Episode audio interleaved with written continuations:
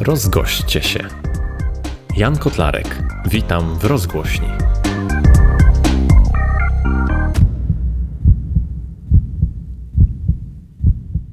Gościem kolejnej rozmowy w rozgłośni jest pan dr Wojciech Strzelecki z Katedry Psychologii Uniwersytetu Medycznego w Poznaniu. Witam bardzo serdecznie, dzień dobry. Dzień dobry, witam. Chciałbym porozmawiać o kilku tematach, jednak ze względu na własne zainteresowania najbardziej fascynuje mnie kwestia muzykoterapii, ponieważ tym między innymi pan doktor się zajmuje. Proszę nam opowiedzieć, jak taka terapia w ogóle wygląda. Przychodzi pacjent do gabinetu psychologa i co się wtedy dzieje? Jak wygląda muzykoterapia i kiedy pada decyzja o zastosowaniu tej metody? Znaczy to jest tak, że zazwyczaj kiedy przychodzi pacjent do gabinetu, czy klient do gabinetu psychologa, e, to ja z nim pracuję jednak w trybie psychologicznym. Natomiast mhm. E, oprócz tego prowadzę działalność muzykoterapeutyczną, głównie w pracy z dziećmi, ale także z osobami dorosłymi z niepełnosprawnościami. I ten system pracy u mnie akurat wygląda tak, że jest to albo w tej chwili w ramach świadczonych usług w Wielkopolskim Centrum Fizjoterapii to są głównie dzieci i w zdecydowanej większości ze spektrum autyzmu. Mm, natomiast druga działalność, taka praktyczna, muzykoterapeutyczna, to jest działalność e, fundacyjna, ponieważ działam aktywnie w Fundacji Narodów Robins Polska, która no, zajmuje się również terapią i to indywidualną, również grupową a także tak zwaną muzykoterapią społecznościową, czyli zapraszaniem do uczestnictwa w sesjach muzykoterapeutycznych ludzi z zewnątrz, czyli prowadzenie takich sesji, sesji w otwartych przestrzeniach miasta Poznania i okolic. Ale jeżeli już mówimy o takiej e, muzykoterapii stricte w procesowej, w pracy z pacjentem, e, to jest Praca, która w największym stopniu polega na nawiązywaniu relacji z osobami, z którymi z różnych powodów ta relacja na gruncie werbalnym jest utrudniona. To jest po pierwsze.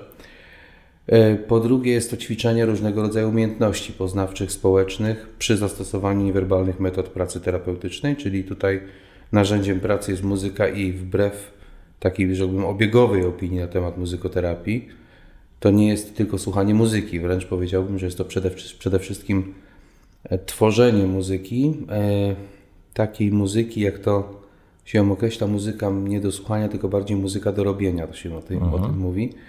Ponieważ muzykoterapia nie opiera się na elitarnym podejściu do tworzonych wytworów muzycznych, czyli że powiedzmy ma to być jakieś doskonałe wykonanie, to zostawmy pedagogice muzycznej, tylko raczej jest to skupienie się na takim egalitarnym podejściu, czyli muzyka służy tutaj czemuś więcej albo uzyskaniu możliwości kontaktu z emocjami, albo ekspresji emocjonalnej, albo ćwiczeniu umiejętności społecznych typu modelowanie, wykonywanie czynności wspólnych, czynności jednoczesnych, albo poznawczych, czyli zapoznawanie się z różnego rodzaju terminami, rozwijanie koncentracji uwagi, pamięci.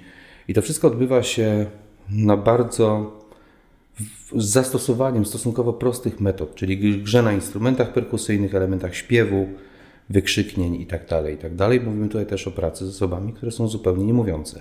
Tak, no bo muzykoterapia w ogóle nie wymaga tak naprawdę umiejętności gry na żadnym instrumencie. To nie o to, to, nie o to chodzi, zdaje się. Od muzykoterapeuty zdecydowanie tak, Aha. ale od uczestnika procesu zdecydowanie nie. To znaczy wystarczy minimalna, y, minimalne zaangażowanie. Tutaj stosuję często, to jest takie właśnie w tym podejściu nordofowskim, takie podejście typu uzupełnienia, czyli ja gram jakąś frazę muzyczną, a zadaniem na przykład osoby z niepełnosprawnością jest uderzyć w bęben w określonym momencie. Aha. I już mamy w tym momencie uzupełnienia, aktywność, poczucie sprawstwa, koncentrację uwagi. To, to stosunkowo y, łatwo jest to osiągnąć tymi metodami, dlatego że często barierą w rozpoczęciu procesu terapeutycznego jest w ogóle kwestia mm, trudności w nawiązaniu werbalnego kontaktu.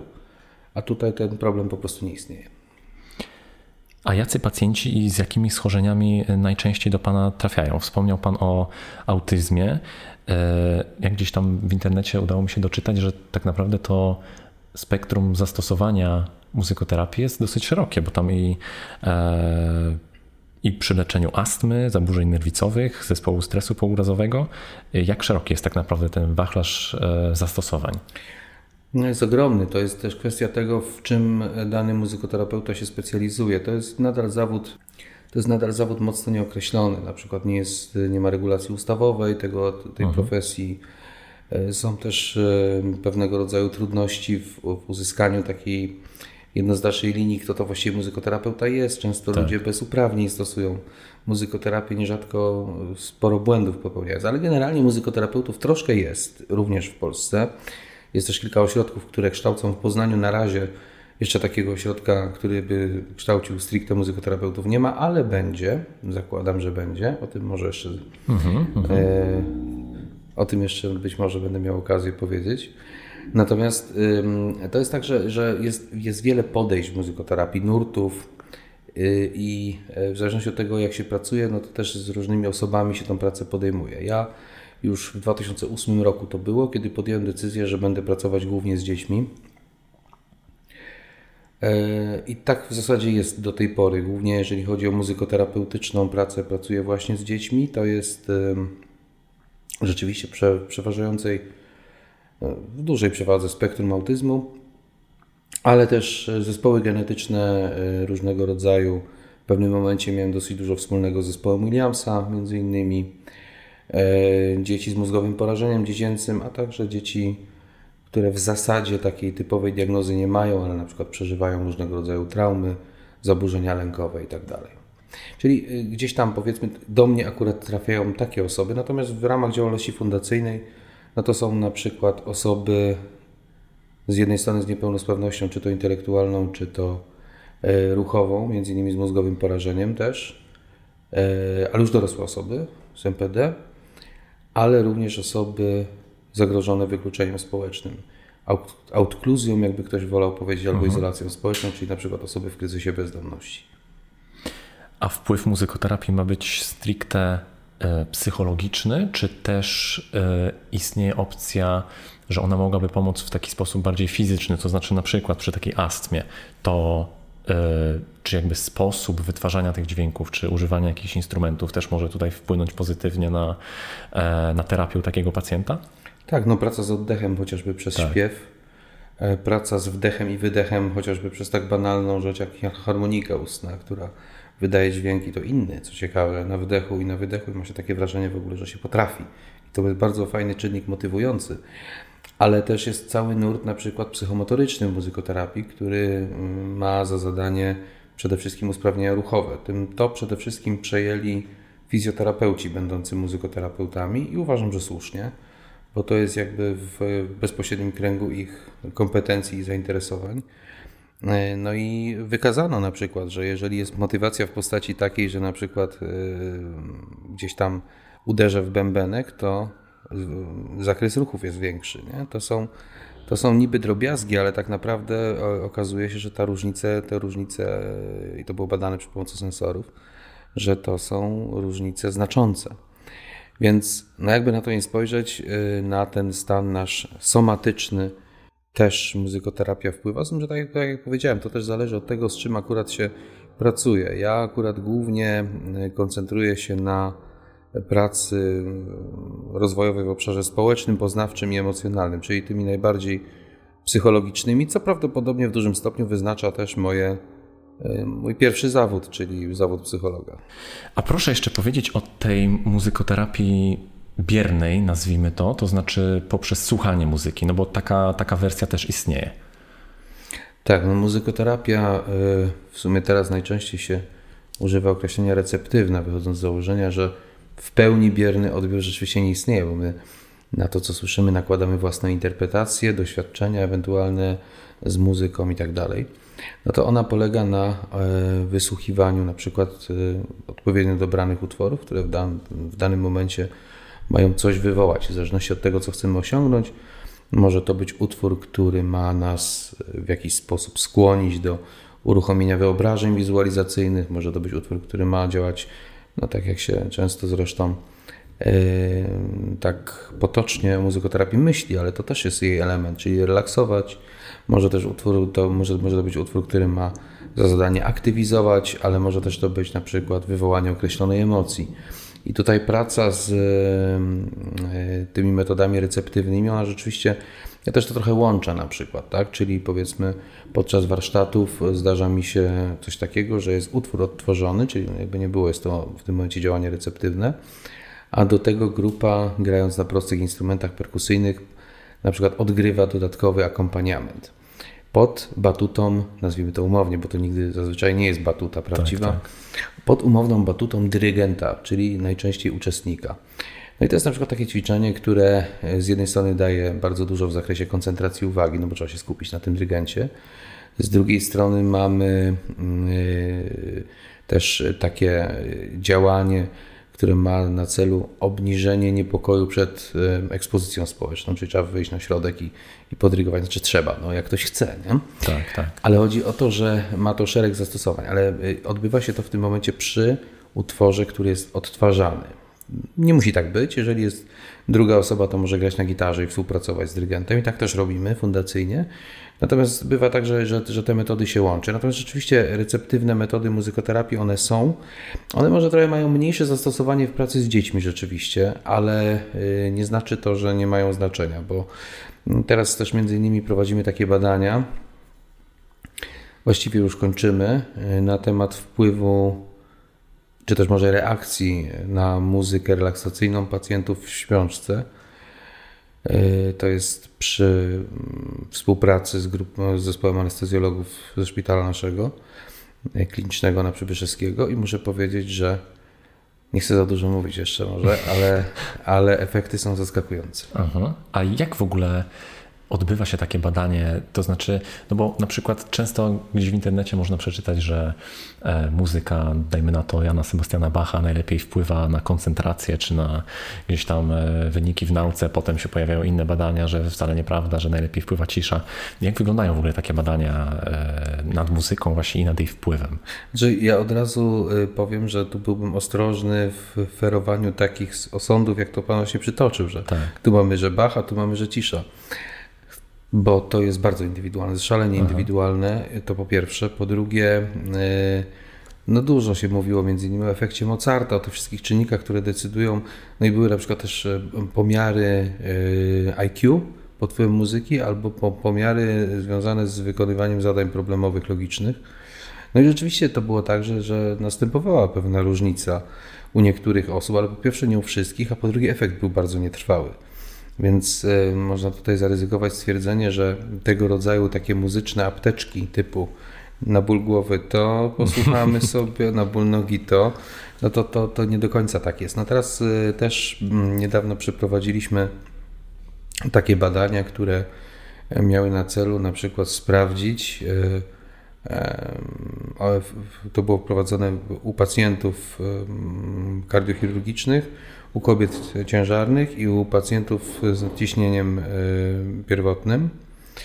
No okazało się, że wcale ta muzyka relaksacyjna tak mocno tego na nich nie wpływa, tylko raczej muzyka preferowana, czyli taka, którą oni lubią, przy której czują się bezpieczni. Innymi słowy, e, jakby pół żartem, ale nie do końca. Zenon Martyniuk i jego twórczość też mogą oddziaływać e, w tym sensie terapeutycznie. Także tego rodzaju badania, e, one są już w ogóle prowadzone nawet w Polsce od lat 70., czyli wpływ na, na, pewne, na pewne procesy życiowe.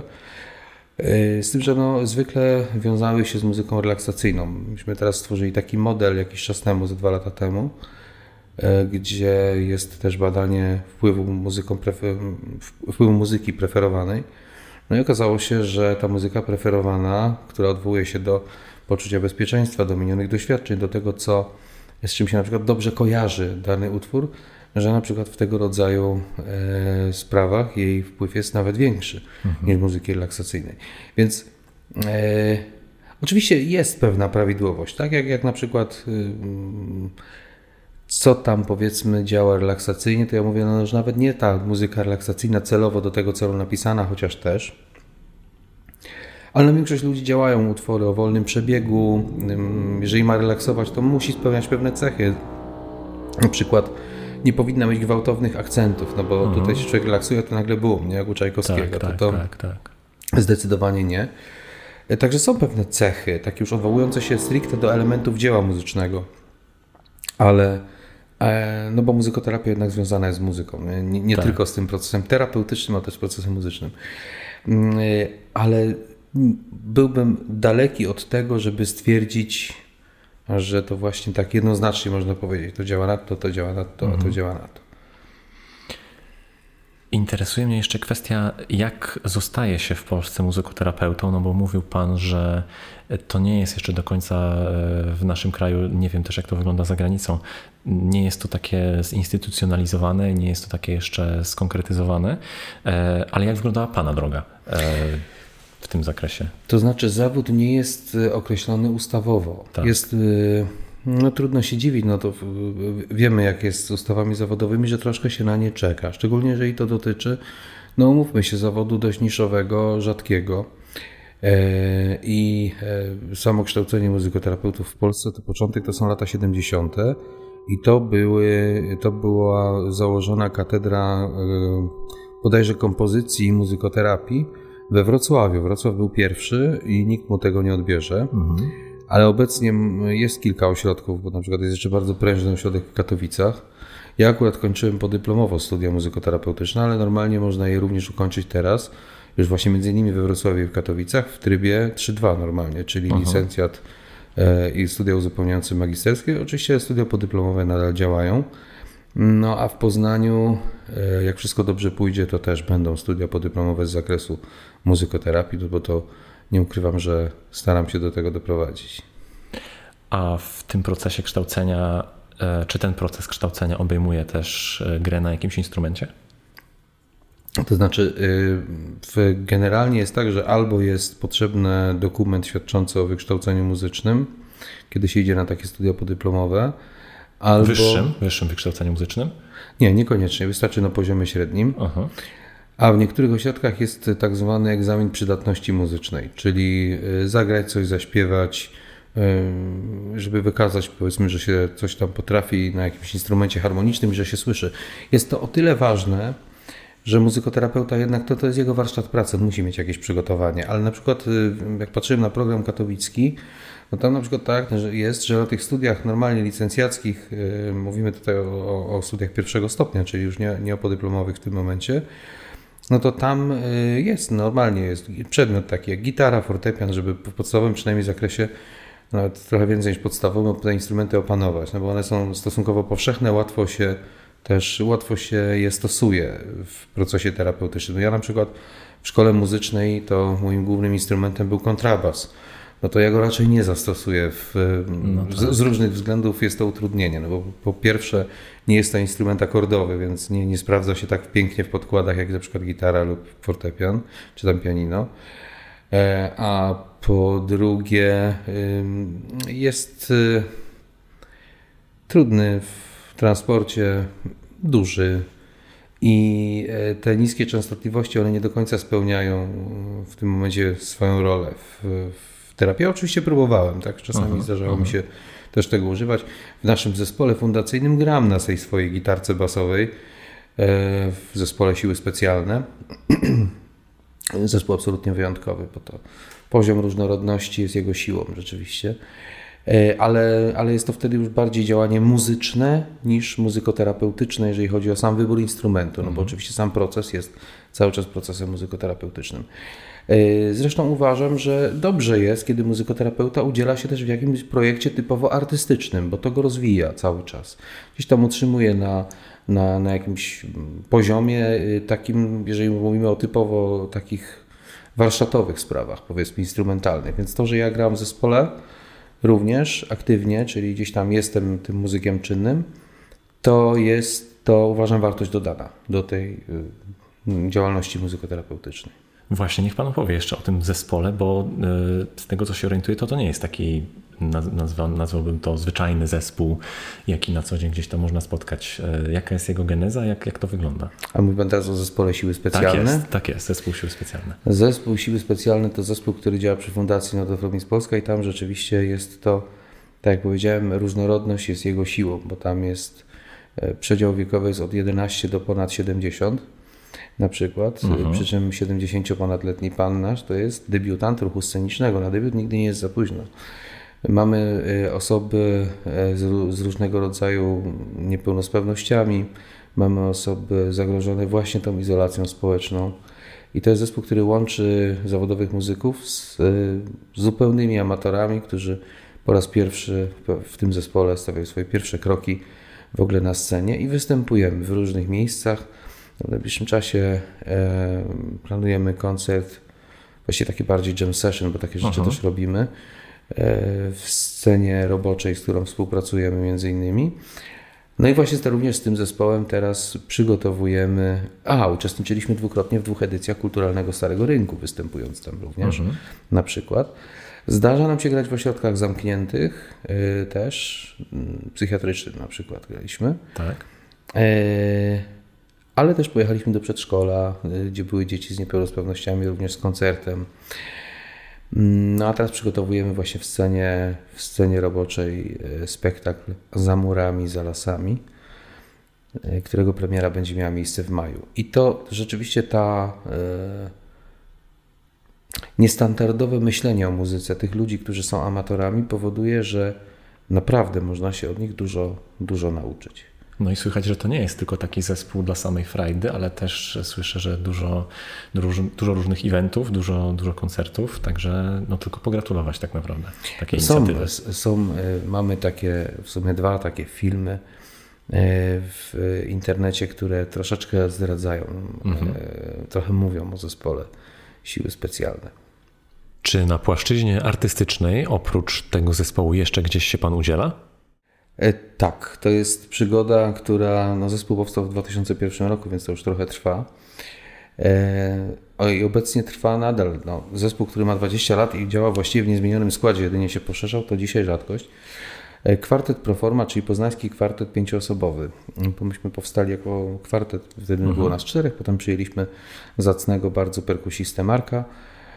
No i jest nas pięciu, ale Nazwa pozostała. ale nazwy już nie zmienialiśmy, bo ona gdzieś tam się pojawiła, a w jednym, drugich y, mediach my stwierdziliśmy, że nie ma sensu zmieniać. I to, to tam się rzeczywiście wyżywam artystycznie. To wyszło z piosenki autorskiej. Myśmy dosyć mocno y, grywali y, poetów, bardów Stanisława Staszewskiego, Jacka Kaczmarskiego. W pewnym momencie, no nawiązując jakby do obecnej sytuacji, no właśnie tam byliśmy na tych koncertach. W Żytomierzu, w Lwowie, y, na Ukrainie graliśmy. y, To był rok herbertowski i twórczość Herberta wtedy przetłumaczono na ukraiński. I myśmy w związku z tym pojechali tam z koncertami herbertowskimi, w większości po polsku, ale też nasz wokalista musiał opanować trzy bodajże utwory po ukraińsku właśnie z tego tłumaczenia. No, dla naszego pokolenia, kiedy wszyscy jeszcze uczyli się języka rosyjskiego, to jest trochę łatwiejsze. Mimo, podkreślam, różnic między tymi dwoma językami, żeby nikt się nie poczuł urażony. Yy, I to jest yy, zespół, który w 2012 roku myśmy nawiązali współpracę z Kazikiem Staszewskim, wokalistą wieloletnim zespołu Kult. No jak do tej pory wydaliśmy dwie płyty. Przy czym jedna, no co, co, co będę ukrywał, uzyskała status złotej. No i udało nam się pograć i w Irlandii, i, i w Stanach. Więc to jest taki zespół, który czasem jest jakby bardziej aktywny, czasem mniej. Wszyscy e, z chłopakami. e, Kazik jest e, jakby, wtedy nazywamy się nie kwartet Proforma, tylko Kazik i kwartet Proforma, żeby cały czas akcentować to, że istniejemy również bez niego. E, Natomiast ma- mamy te takie momenty, kiedy nagrywamy z nim płytę, wtedy jest jakaś trasa, no to wtedy rzeczywiście jest, jest tego więcej. Ale każdy z nas e, oprócz tego zajmuje się czymś innym. No ja to już wiadomo, co robię, ale, ale też e, są różne. Mamy tłumacza, mamy kolejarza, no, no, mamy bardzo różne ciekawe profesje e, w naszym zespole. I myślę, że to e, pozwala utrzymać się w formie warsztatowej też. Co pomaga też w pracy, pracy muzykoterapeutycznej, codziennej, no, m, takiej tej codziennej, którą, którą się zajmuję. A jak wygląda współpraca e, no, z kimś takim bądź co bądź mocno znanym jak, jak Kazik Staszewski? Jak wygląda taka współpraca artystyczna? Znaczy, y, to jest. y, y, Obecnie od razu powiem, że, że, że jesteśmy w trakcie pisania materiału na nową płytę. On był u nas, bo to zawsze tak jest. My jesteśmy w Poznaniu, mamy, mamy salę, jest wszystkie instrumenty na miejscu, więc on przyjeżdża do nas. Przyjeżdża do nas zwykle na 5 dni tydzień. No i tam jedziemy wtedy codziennie te próby, nie? Każdy sobie jakoś tam poukłada tą pracę tak, żeby, żeby popołudnia mieć wolne, no i pracujemy. W ten sposób powstała płyta Tata Kazika Kontrahedora z takich właśnie no, takich nagrywek sobie robionych gdzieś tam na naszej sali. I pracuje się, no z Kazikiem pracuje się bardzo dobrze, bo on jest człowiekiem niezwykle kreatywnym, mimo tego, że jak sam twierdzi, nie umie grać na żadnym instrumencie. To nie do końca jest prawdą, bo trochę na tym saksofonie to on tam jednak gra, ale, ale twierdzi, że nie umie. Jak na nieumienie, to umie całkiem nieźle. I to jest tak, że on ma rzeczywiście no, burzę pomysłów, ten człowiek. My też jakby on nie ma specjalnych wymagań, jakichś takich. To jest człowiek bez rozdętego ego, że tak się mhm. wyrażę, I, i to bardzo ułatwia współpracę, no bo na początku trochę tak było. Na początku tak. Na początku, ponieważ to był facet, którego ja płyty miałem winylowe jeszcze w podstawówce, to na początku, jak do nas przyjechał na próbę, no to, to przyznaję, że, że była taka, była pewna spina, takie poczucie nabożności ale to szybko minęło. Przez, przez kilka przegadanych wieczorów to, to, Trochę trzeba było się dotrzeć i potem pewnie już No, już puściło i teraz, teraz, teraz to już jest kolega. Ale na początku z tym kolegą nie było łatwo, muszę powiedzieć. Nie? A teraz tak, tak.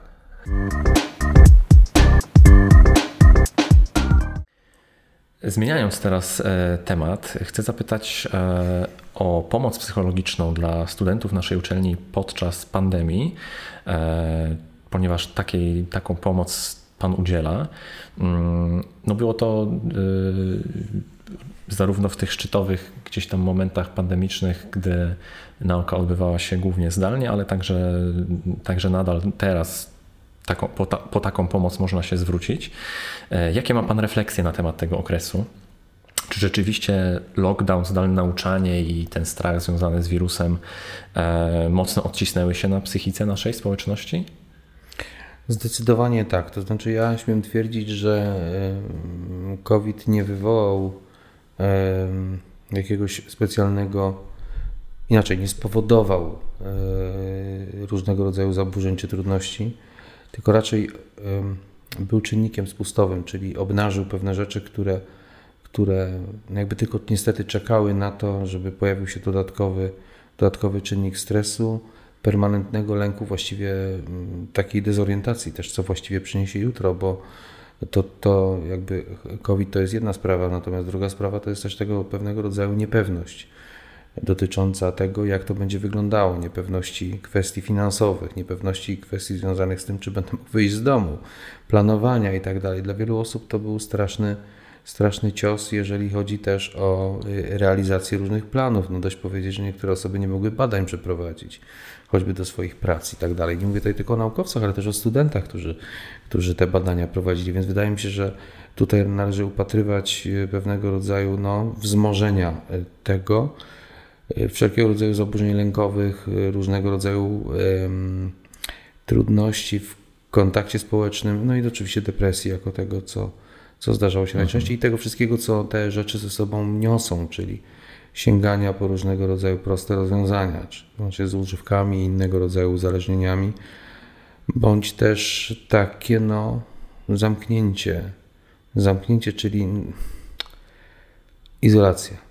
Tak. Izolacja, bo trudnością dla niektórych osób była samo zamknięcie, sama izolacja, sama niemożność spotykania się z ludźmi, e, a dla innych wyjście z powrotem. Więc to też jest bardzo różne w zależności od tego, gdzie leży problem i w jaki sposób on się też, w jaki sposób y, realizuje się ta trudność. Nie?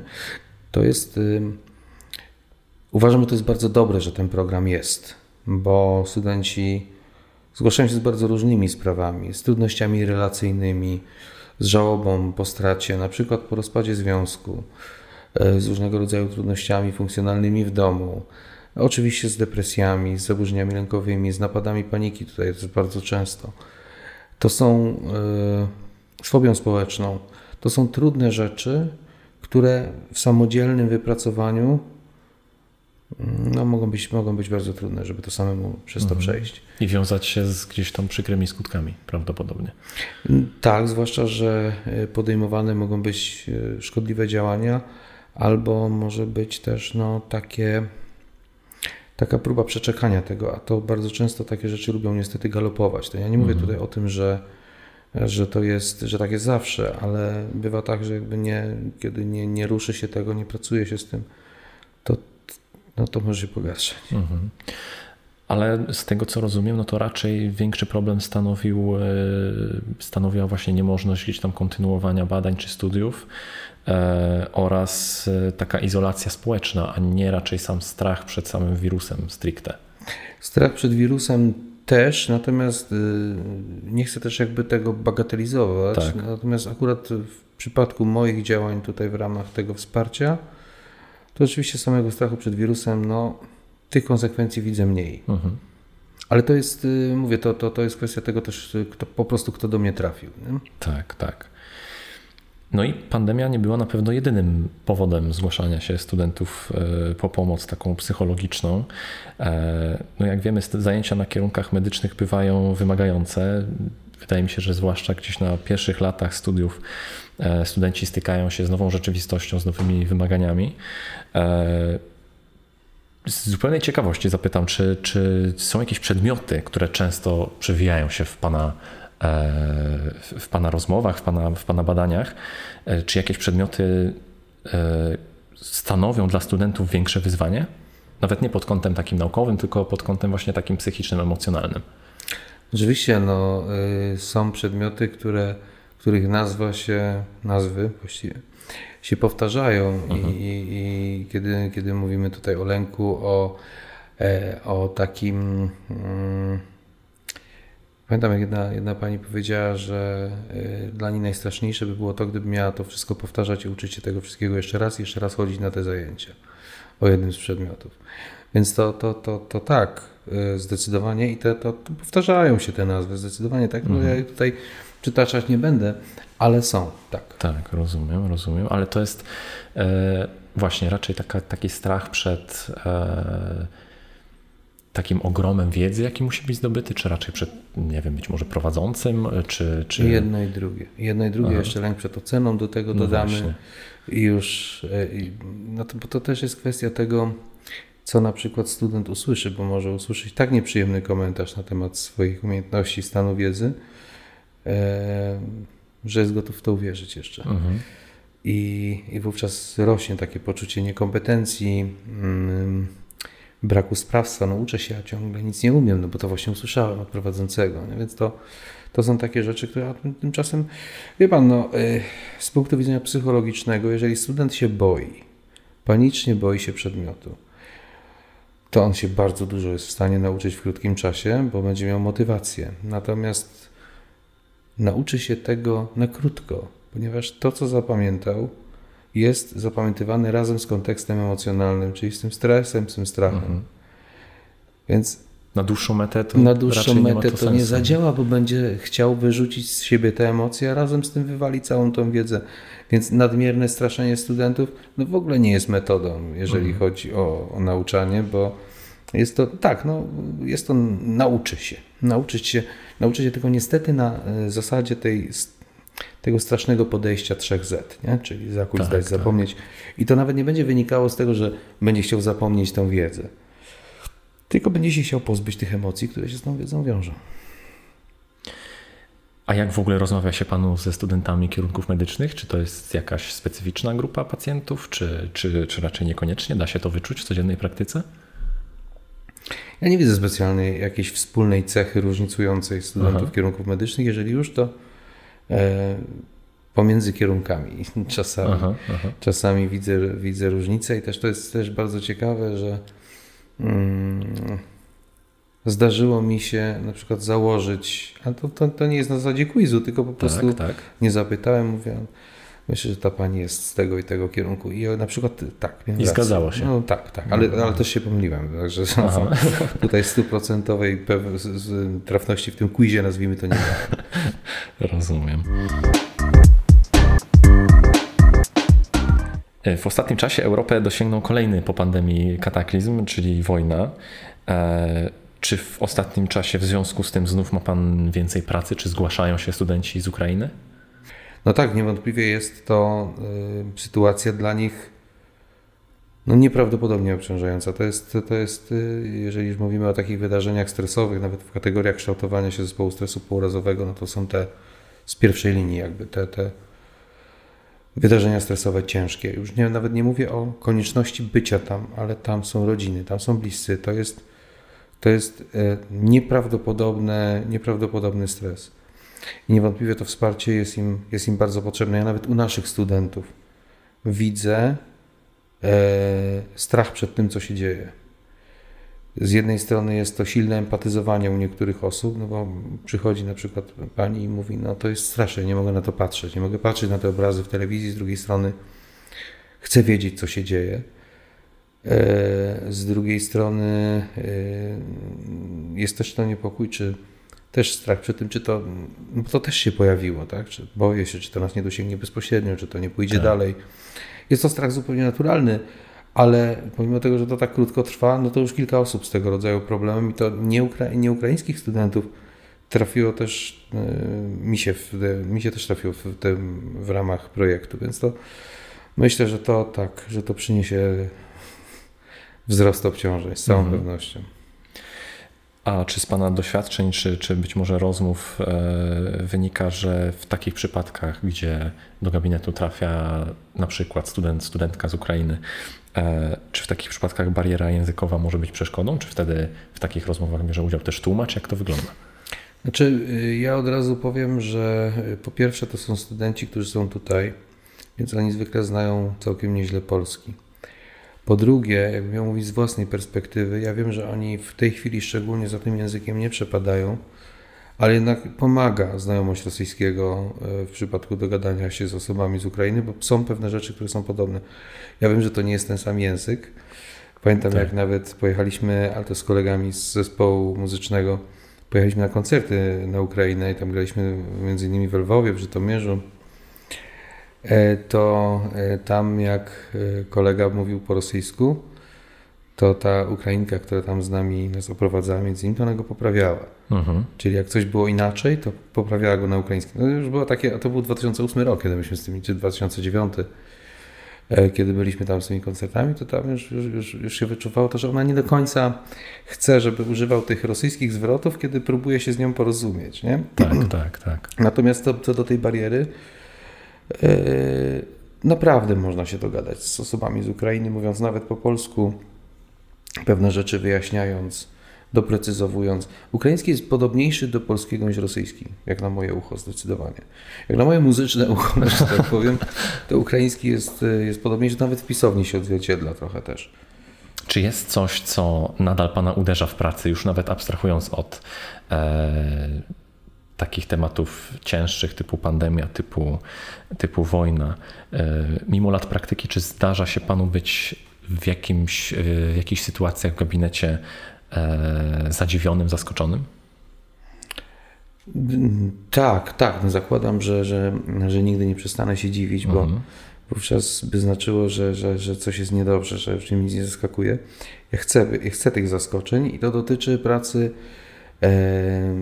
zarówno gabinetowej, jak i nawet, nawet y, dydaktycznej, bo mm, tutaj mamy kilka rzeczy. Jeżeli chodzi o gabinet, to rzeczywiście czasami problemy, z którymi y, zgłaszają się osoby, no, zaskakują, delikatnie mówiąc. Yy, Nie mogę podać przykładów, bo akurat te wszystkie, które przychodzą mi do głowy, są tak rzadkie, że osoba mm, byłaby łatwa do zidentyfikowania.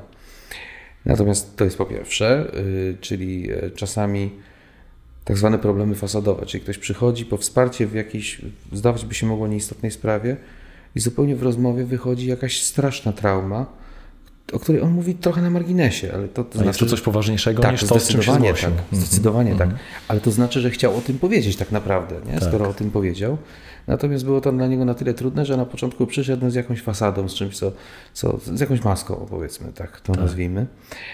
E, to jest jedna rzecz. Druga rzecz, która ciągle mnie zadziwia, to kreatywność studentów na zajęciach z muzykoterapii. Moje ulubione zajęcia, bo ja oczywiście prowadzę w większości przedmioty psychologiczne i bardzo lubię pracę dydaktyczną. To nie mówię tego dlatego, że tutaj siedzimy, tylko tak po prostu jest, ale nie ukrywam, że, że, że najmniej, najmniej dla mnie interesujące są wykłady, no bo tutaj głównie ja mówię i trudno mi jest samemu siebie zaskoczyć czymś, a najciekawsze są zajęcia warsztatowe, ćwiczeniowe z muzykoterapii na przykład, które mają charakter stricte warsztatowy do tego stopnia, że y, ja tam zmieniałem termin, jak było zamknięcie, żeby przeprowadzić je na żywo, żeby, żeby nie straciły tego całego swojego waloru, e, kiedy i przeniosłem na drugi semestr wtedy zajęcia, żeby odbyły się stacjonarnie, żeby Tak. ci ludzie rzeczywiście byli w procesie.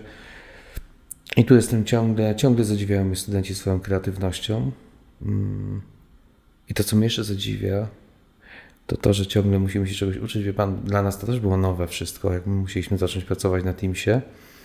To muszę przyznać, że przestawienie się z takiej pracy kontaktowej, z którą mam do czynienia od 2002 roku, pracując Mhm. od tego właśnie roku tutaj chociażby na uniwersytecie, no to, to tak, to było wyzwanie, żeby, żeby nauczyć się rozumieć tą formę pracy w ogóle i, i, i gdzieś tam też y, spełniać się jako dydaktyk, no jakby nie było w zupełnie innej formule. Także no, takich zaskoczeń nie chciałem, ale przyznaję, że teraz już jakby oswoiwszy się z tym, śmiem twierdzić, że wykłady w, mm, online są w porządku. Te No powiedzmy, tak, bo to nadal jest, e, no tak brzydko mówiąc, monolog po prostu tego prowadzącego. Tak, i więc- oczywiście nawet jeżeli wykład ma charakter trochę konwersatoryjny, czyli jakieś pytanie się rzuci, chciałem powiedzieć na salę, no to teraz nie na salę, tylko do, do monitora. Yy, No to tak czy owak jest to jednak przede wszystkim głównie wypowiedź prowadzącego. I to gdzieś tam wykłady myślę, że, że, że mają zostać w tej formule, z tego co wiem. I myślę, że to jest bardzo mądra decyzja. Natomiast jeżeli chodzi o zajęcia ćwiczeniowe, no to tutaj no, cierpią na tym trochę. trochę. Tak, tak. Było trudniej.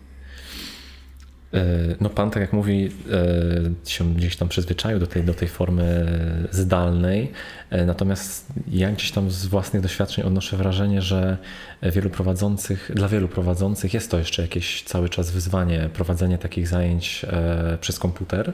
I to nawet mm, wydaje mi się, że to nie sprowadza się do wyzwania technicznego, e, to też czasami, ale to, to, to z innej rzeczy wynika, natomiast e, wydaje mi się, że to może być, no ja sam nie prowadziłem nigdy zajęć oczywiście w takiej formie, natomiast tak jak obserwuję, no to wydaje mi się, że to może być wyzwanie właśnie dlatego, że to jest taka nowa forma, e, zupełnie znaczy zupełnie, no gdzieś niepodobna do tej formy takiej, do której e, ci prowadzący są przyzwyczajeni. E, no i to też może być dla nich jakieś tam, jakieś tam takie wyzwanie, e, żeby się przestawić i żeby rzeczywiście studenci mogli coś wynieść, jakąś, jakąś rzetelną wiedzę z takiej formy zajęć.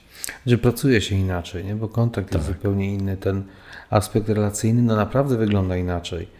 Ale jeżeli już Pan mówi, że ja się przyzwyczaiłem, tak, przyzwyczaiłem się, ale chwilę mi to zajęło. To jednak nie było tak od razu. No, no, no. To po pierwsze, a po drugie, z tymi technicznymi sprawami, no na początku powiem Panu, że mm, Teams to była czarna magia. To wcześniej nie miałem z nim do czynienia. Jak odpaliłem to, no to, to, to nic nie wiedziałem. Teraz jest, wydaje, teraz wydaje mi się przyjazny i intuicyjny, ale na początku się taki wcale nie wydawał. Na koniec e, jeszcze pytanie e, o jedną poradę dla słuchaczy, e, jak najlepiej radzić sobie w takiej sytuacji, gdy z każdej strony atakują nas złe wieści. E, tutaj liczba zgonów, tu wojna na Ukrainie, tutaj protesty, inflacja, drożyzna. Co można zrobić oprócz ewentualnie jakiegoś kompletnego odcięcia internetu i, i, i tego świata mediów, świata zewnętrznego? Eh, to jest dla, nie, dla niektórych to jest łatwe, dla innych to jest trudne, bo to zależy, jaki styl radzenia sobie z tym stresem podejmiemy. Bo w zasadzie jest tak, że oczywiście najbardziej rozwojowy jest tak zwany styl skoncentrowany na zadaniu, czyli rozwiązać problem. No ale tu nie mamy wpływu ani na wojnę, Tak. ani na liczbę zgonów, ani na inflację. Więc y, w tym momencie dobrze jest nie, nie koncentrować się na tym, co można zdziałać, tylko co można zrobić dla siebie w tym momencie. To jest y, skupienie się na emocjach, skupienie się na tym, co się robi. Kiedyś jeden y, psycholog na konferencji powiedział, y, przy silnych obciążeniach należy po prostu robić swoje. I być może w tej prostej, potocznej radzie jest wiele mądrości, bo tak naprawdę możemy zrobić jedynie to, na co mamy wpływ. To odcięcie się od myślenia nieustannego o rzeczach, na które i tak nie mamy wpływu, jest konieczne. I tu nie mówię nawet o wyłączeniu internetu. Mówię o tym, żeby pamiętać, żeby, żeby być dla siebie dobrym. Tak proste, a tak naprawdę kluczowe. No, jesteśmy, każdy z nas jest dla siebie jedyną osobą, z którą nie rozstanie się nigdy. Warto o tym pamiętać.